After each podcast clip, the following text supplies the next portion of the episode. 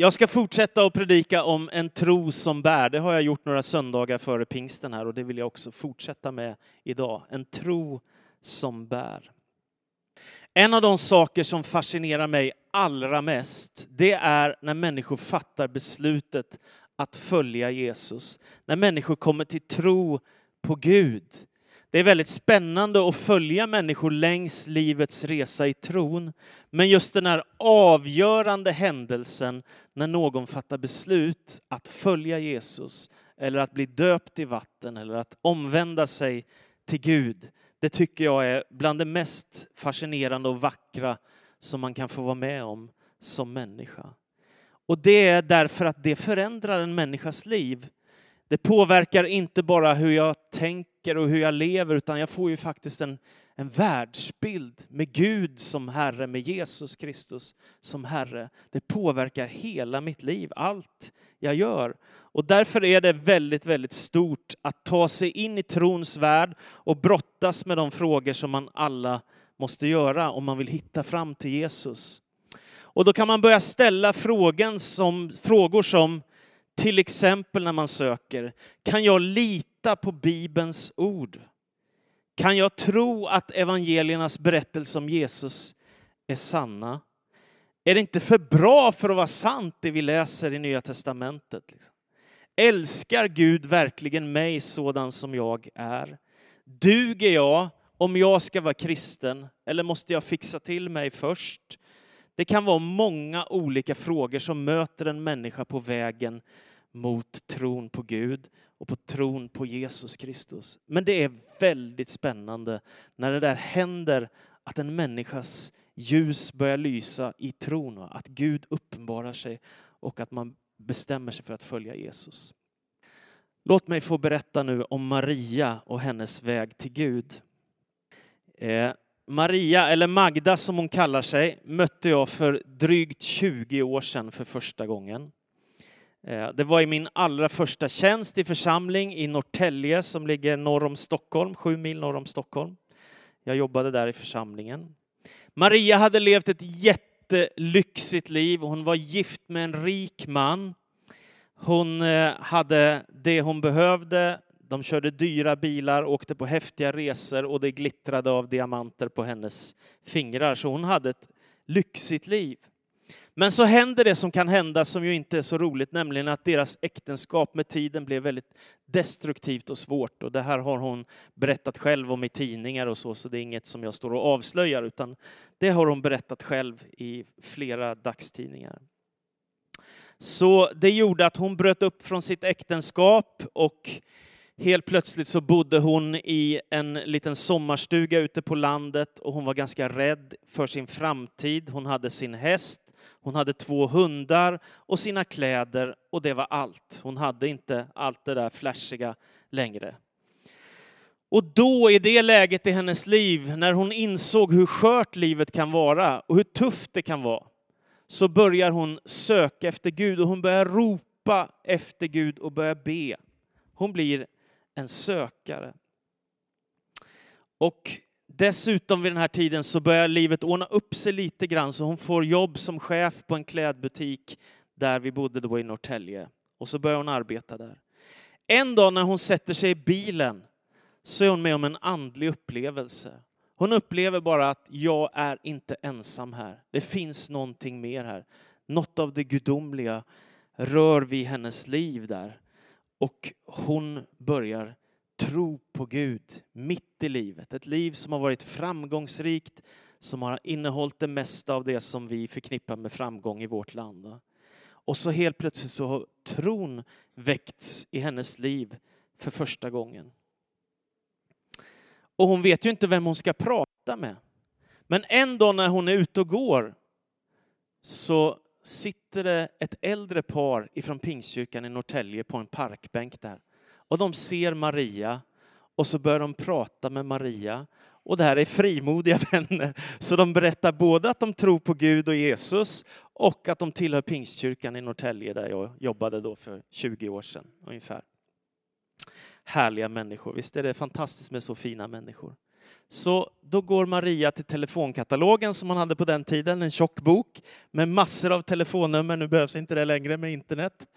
Och så slår hon upp Pingstkyrkan i Norrtälje och så ringer hon telefonnumret till oss och sen så ber hon att få träffa oss och få prata om oss pastorer, om, om kristen tro. Och det går vi ju självklart med på naturligtvis. Det är ju jätteroligt. Så hon kommer till kyrkan som en frisk fläkt. En fantastisk människa. Helt underbar. Eh, och så pratar vi om Gud och så pratar vi om Jesus. Och så kommer hon till tro, eller hon fördjupar sig i sin tro och hon börjar gå i kyrkan. Varenda söndag kommer hon till kyrkan.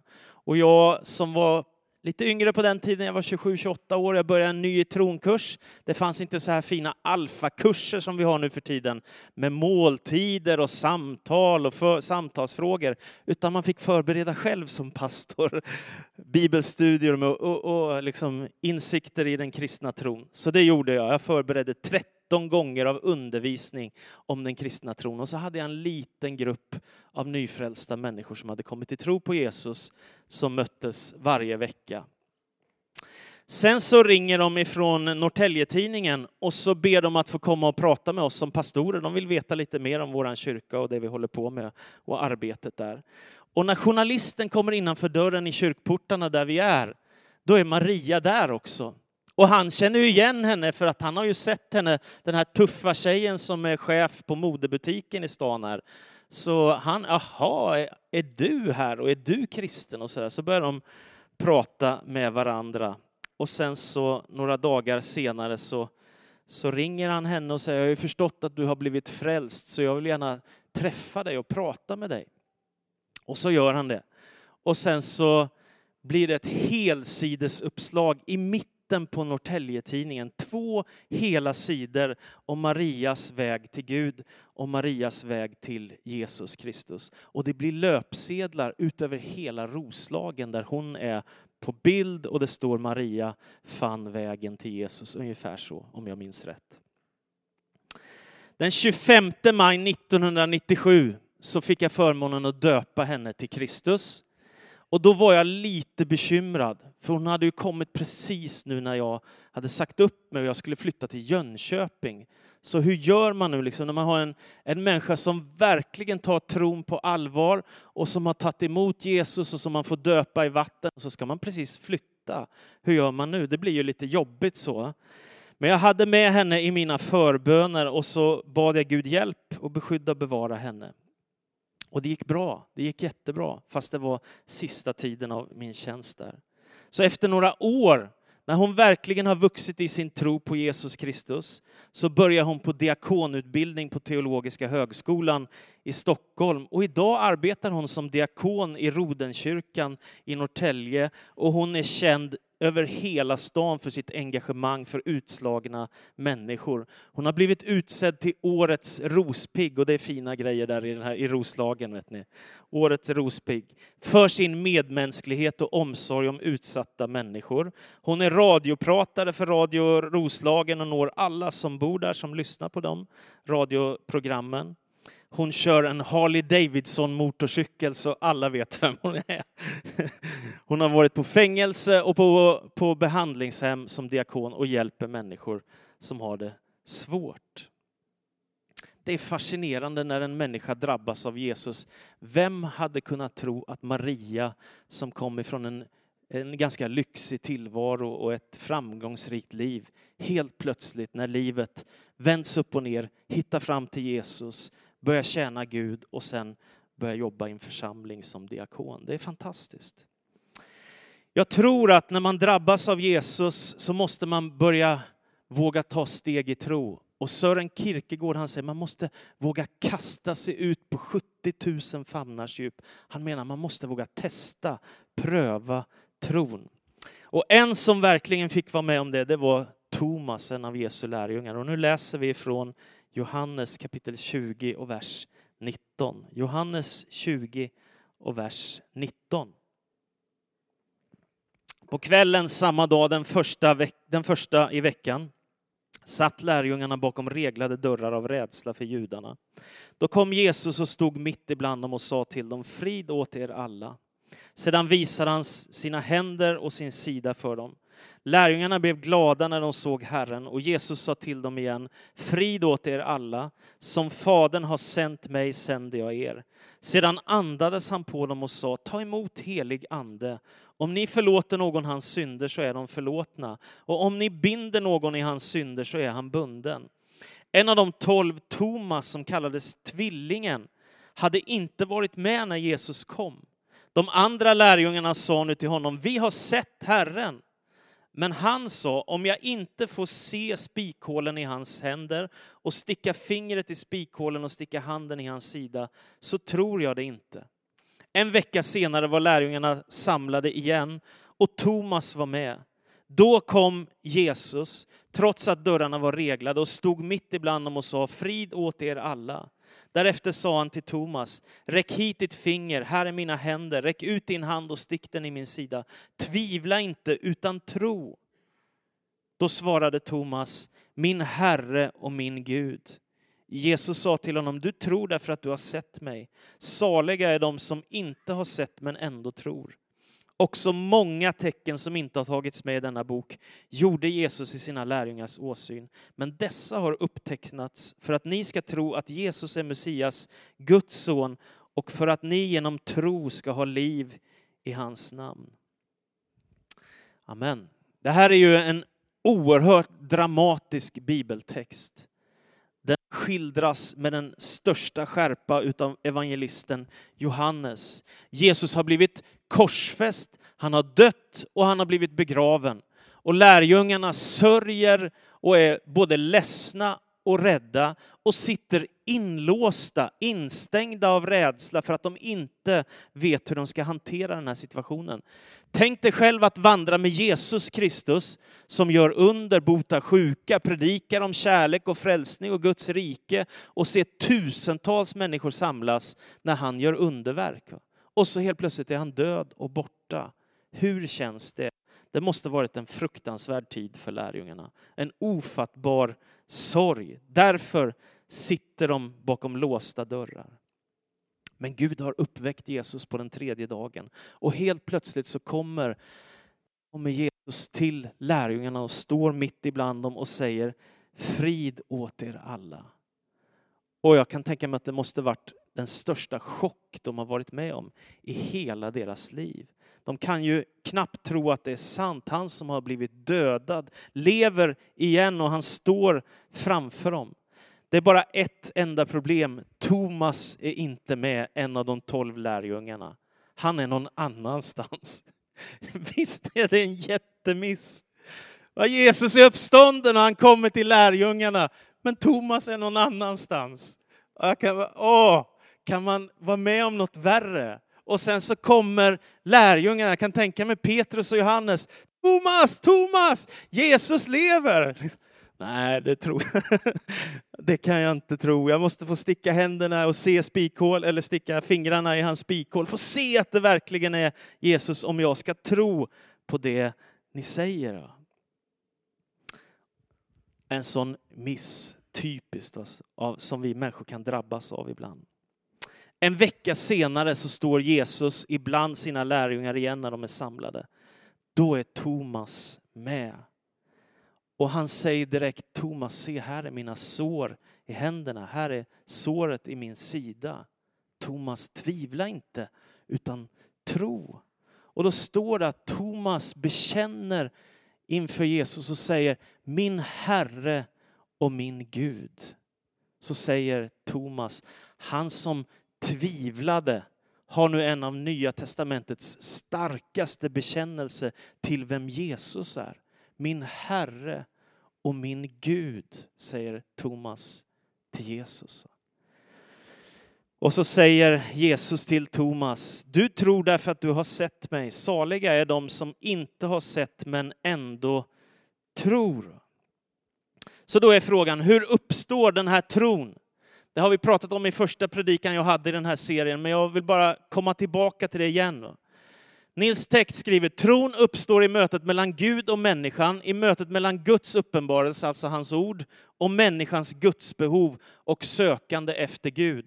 Alltså, när Guds ordet, när kunskapen om Gud kommer till ditt hjärta och du inser ditt behov av Gud och öppnar ditt hjärta för evangeliet om Jesus Kristus, då föds tron.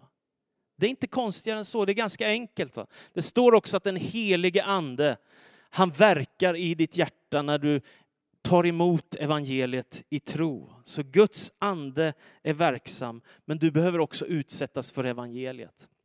Och idag har vi fått välsigna lilla Signe i barnvälsignelse i kyrkan. Och jag tänker att åren som ligger framöver nu så kommer hon få höra berättelserna om Jesus. Hon kommer få höra berättelserna om hur Gud har skapat världen, hur han älskar oss alla, hur han vill vårt bästa. Och när man får höra så kan tron väckas och så kan man börja bekänna att Jesus Kristus är Herre. Paulus skriver tron bygger på förkunnelsen och förkunnelsen bygger på Kristi ord. När vi förmedlar evangeliet så kan tron väckas och tas emot och börja levas ut i en människas liv. Och Jesus säger när han kommer till människorna som har det tufft så säger han, känn ingen oro, tro på Gud och tro på mig. För mig är det som att Jesus erbjuder en fast punkt i en tillvaro som är oerhört rörig, den här världen. Jesus är en fast punkt, ett ankare där allt annat förändras, där allt annat går fram och tillbaka och hit och dit, så står han kvar igenom alla tider. Han är densamme igår, idag och i evighet. Och det går inte att säga om något annat. Det är bara Kristus som är densamme igår, idag och i evighet. Så vad är det då att tro? Jo, tro är att förtrösta på Jesus Kristus. Tron är därmed hela vår persons gensvar på det som Jesus är och det som han har gjort. Det är en slags glädjefylld reaktion på att Jesus har dött för oss och att Jesus är uppstånden ifrån de döda och har segrat över dödens makt. Att han är vår frälsare. Så när jag bekänner tron på Kristus så bekänner jag inte bara att för 2000 år sedan levde en man som hette Jesus och han var från Nasaret, utan jag bekänner att han är Herre över allt, att han är världens frälsare, att han är enda vägen till Gud, att han har namnet över alla andra namn. När alla andra namn förbleknar står dock namnet Jesus kvar. Alltså det är en bekännelse till honom som är den enda fasta punkten i tillvaron som håller genom liv och död i evigheternas evighet. Så att bekänna sig till Jesus, det är väldigt, väldigt starkt. Du får ett ankare, ett fäste i tillvaron som bär genom allt. Det viktigaste är inte vad kristna tror på, utan vem man tror på. Är ni med? Vi kan tycka lite olika i frågorna i tron. Exakt hur saker ska praktiseras, exakt hur man ska tänka. Precis, ni vet det finns olika kyrkor och samfund. Vi har tänkt lite olika. Det viktigaste är inte vad vi tror på, utan vem vi tror på. Martin Luther han skriver Bibelns budskap samlas i en brännpunkt. Jesus Kristus, skriftens kärna och stjärna. Peter Halldorf han skriver så här, när vi i gudstjänsten bekänner vår tro är det inte så mycket vad vi tror som vem vi tror på. Vi har inte övertygats av argument, men av någon som söker oss genom att urholka vår själ så att bli redo att ta emot honom. Trosbekännelsen är en lovprisning, inte ett själlöst upprepande av trosatser. I många traditioner sjunger man därför församlingens credo och tro. Jag tycker det är bra sagt. Det är framförallt vem vi tror på, inte bara vad vi tror på. Det är det som är i centrum, att förtrösta på Jesus Kristus. Tro är för det andra att vila i Gud.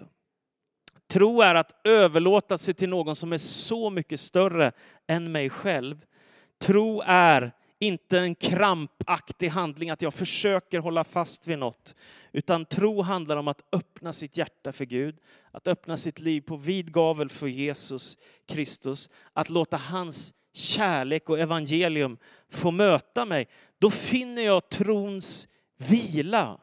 Det är ingen kramp, det är inget jag försöker fixa till, va? utan det är någonting jag kan vila i, stå på, ett fast grundfäste i mitt liv.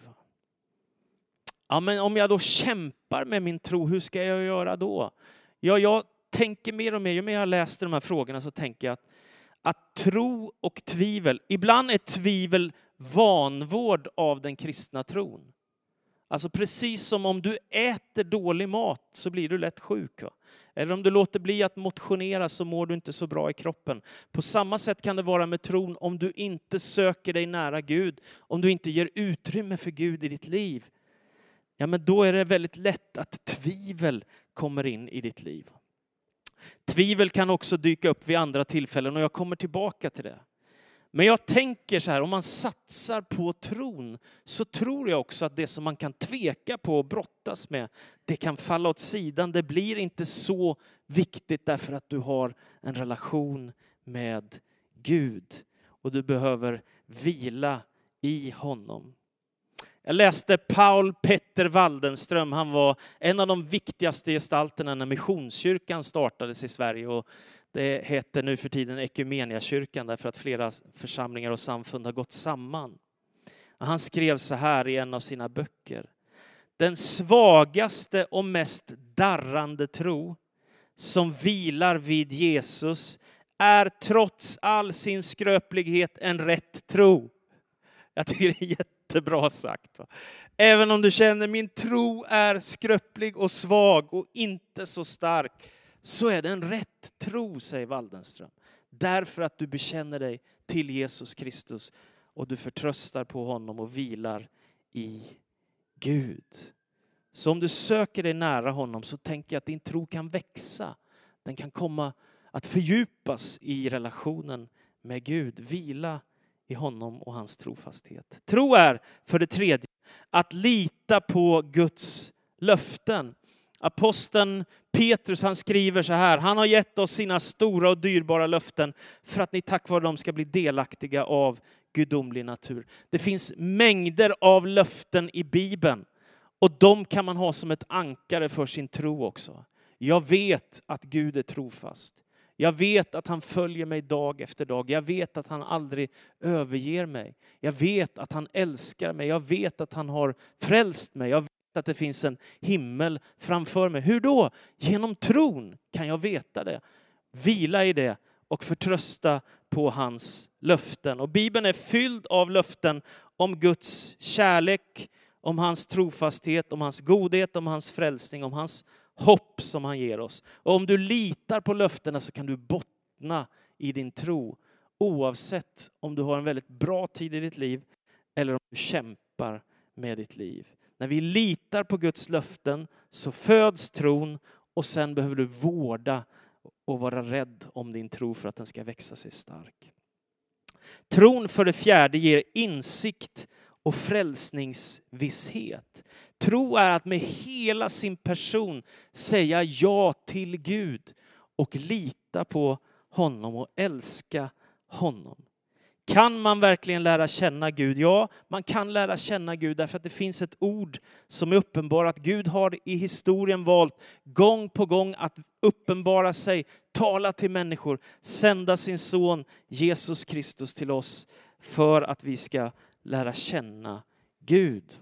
Därför kan tron ge insikter och kunskap i trons värld.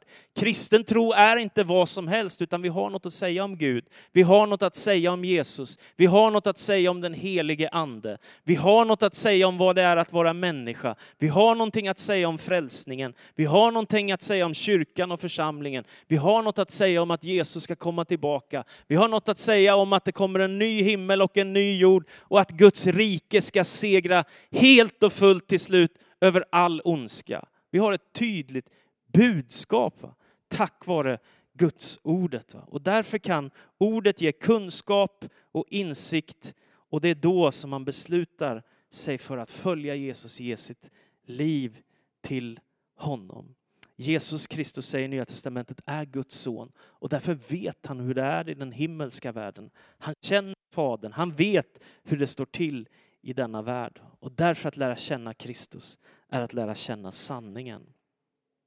Martin Luther som var reformator på 1500-talet och som hela Svenska kyrkan liksom har sin grund i, i Sverige kan man säga.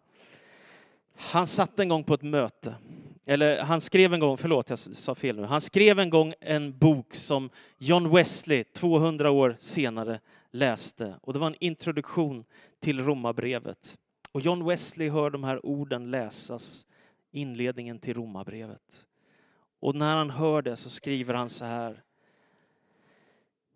När jag, när jag läste om den förvandling som Gud åstadkommer i hjärtat genom tron på Jesus Kristus kände jag hur mitt hjärta blev förunderligt varmt. Jag kände att jag litade till Kristus, till Kristus alena för min frälsning. Och jag fick visshet om att han hade tagit bort mina synder, till och med mina, och räddat mig från syndens och dödens lag.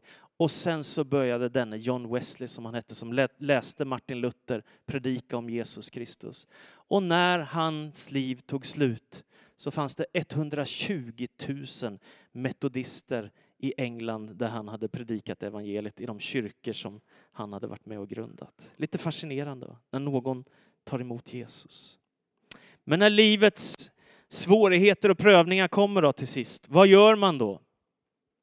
Ja, vad beror det på? Det kan bero på prövningarna som vi möter. Det kan vara på arbetet eller i familjen. Det kan vara på grund av sjukdom och svårigheter. Det kan vara när vi av någon anledning hamnar på distans till Gud och kämpar. Eller som Thomas. Tänk att inte vara med när lärjungarna möter Jesus uppstånden. Så där kan det vara för oss ibland idag också. Att någon kommer hem och berättar, jag gjorde ett sånt gudsmöte, eller jag blev döpt i helig ande och fick tungotalets gåva, eller jag blev helad, eller ni vet, människor kan vara med om fantastiska saker, och så tänker man, men jag då? Får inte jag vara med? Och då tänker jag att det viktigaste är inte hur långt du har kommit eller hur mycket du kämpar. Det viktigaste är vilken inriktning du har. Om du är på väg mot Jesus och hans kors, eller om du är på väg bort ifrån det. Det avgör allting. Om du är på väg mot Gud, på väg mot Jesus, så behöver du inte vara så orolig. Om du är på väg bort ifrån Gud, ifrån församlingen, ifrån Jesus, då är det allvarligt. För att då riskerar att tappa tron och att inte vårda det som Gud har gett dig. Våga tro, våga sök dig nära Jesus och ta till dig orden som Jesus säger. Tvivla inte Thomas, utan tro. Det viktigaste är ju inte vad du inte kan tro, utan det viktigaste är vad du tror och vad du kan göra med det. Tvivel leder dig aldrig någonstans, utan det är det du tror som hjälper dig på vägen genom livet. För det kommer du göra någonting med, det är jag övertygad om. Så våga lämna ditt liv i Guds händer. Därför att den som tror på Jesus Kristus till sist, har ett löfte om syndernas förlåtelse, har ett löfte om att bli rättfärdig, har ett löfte om att bli frälst, har ett löfte om att bli ett Guds barn, har ett löfte om att få den helige Ande som gåva. Att Kristus flyttar in i våra hjärtan, att vi får del av det eviga livets gåva, att vi har del i alla Guds löften, att vi har frid med Gud. Och att vi kommer segra till sist med Jesus Kristus. Därför Tvivla inte, utan tro. För det är tron som kommer bära dig fram till Jesus Kristus, till hans löften. Och när du ger ditt liv till honom så kommer han möta dig med sin kärlek och godhet. Amen. Så tackar vi dig Jesus Kristus för din innerliga kärlek och godhet. Jag ber att vi ska kunna leva i tro, ta vara på tron, vårda tron på dig, Herre. Och kanske inte framför allt i alla detaljer kunna reda ut vad vi tror på, utan vem vi tror på. Och att det gör all skillnad i världen. Jag ber om välsignelse över oss nu i den här avslutningsstunden, Herre. Att vi får ta emot av ditt evangelium. Frälsningsbudskapet, kärleksbudskapet, hoppets budskap, nådens budskap. Tack för allt du har gjort för oss. Tack för den du är, Herre. Hjälp oss att leva i tro, vandra i tro och handla i tro på grund av din nåd och kärlek. Så ber vi i Jesu namn. Amen. Amen.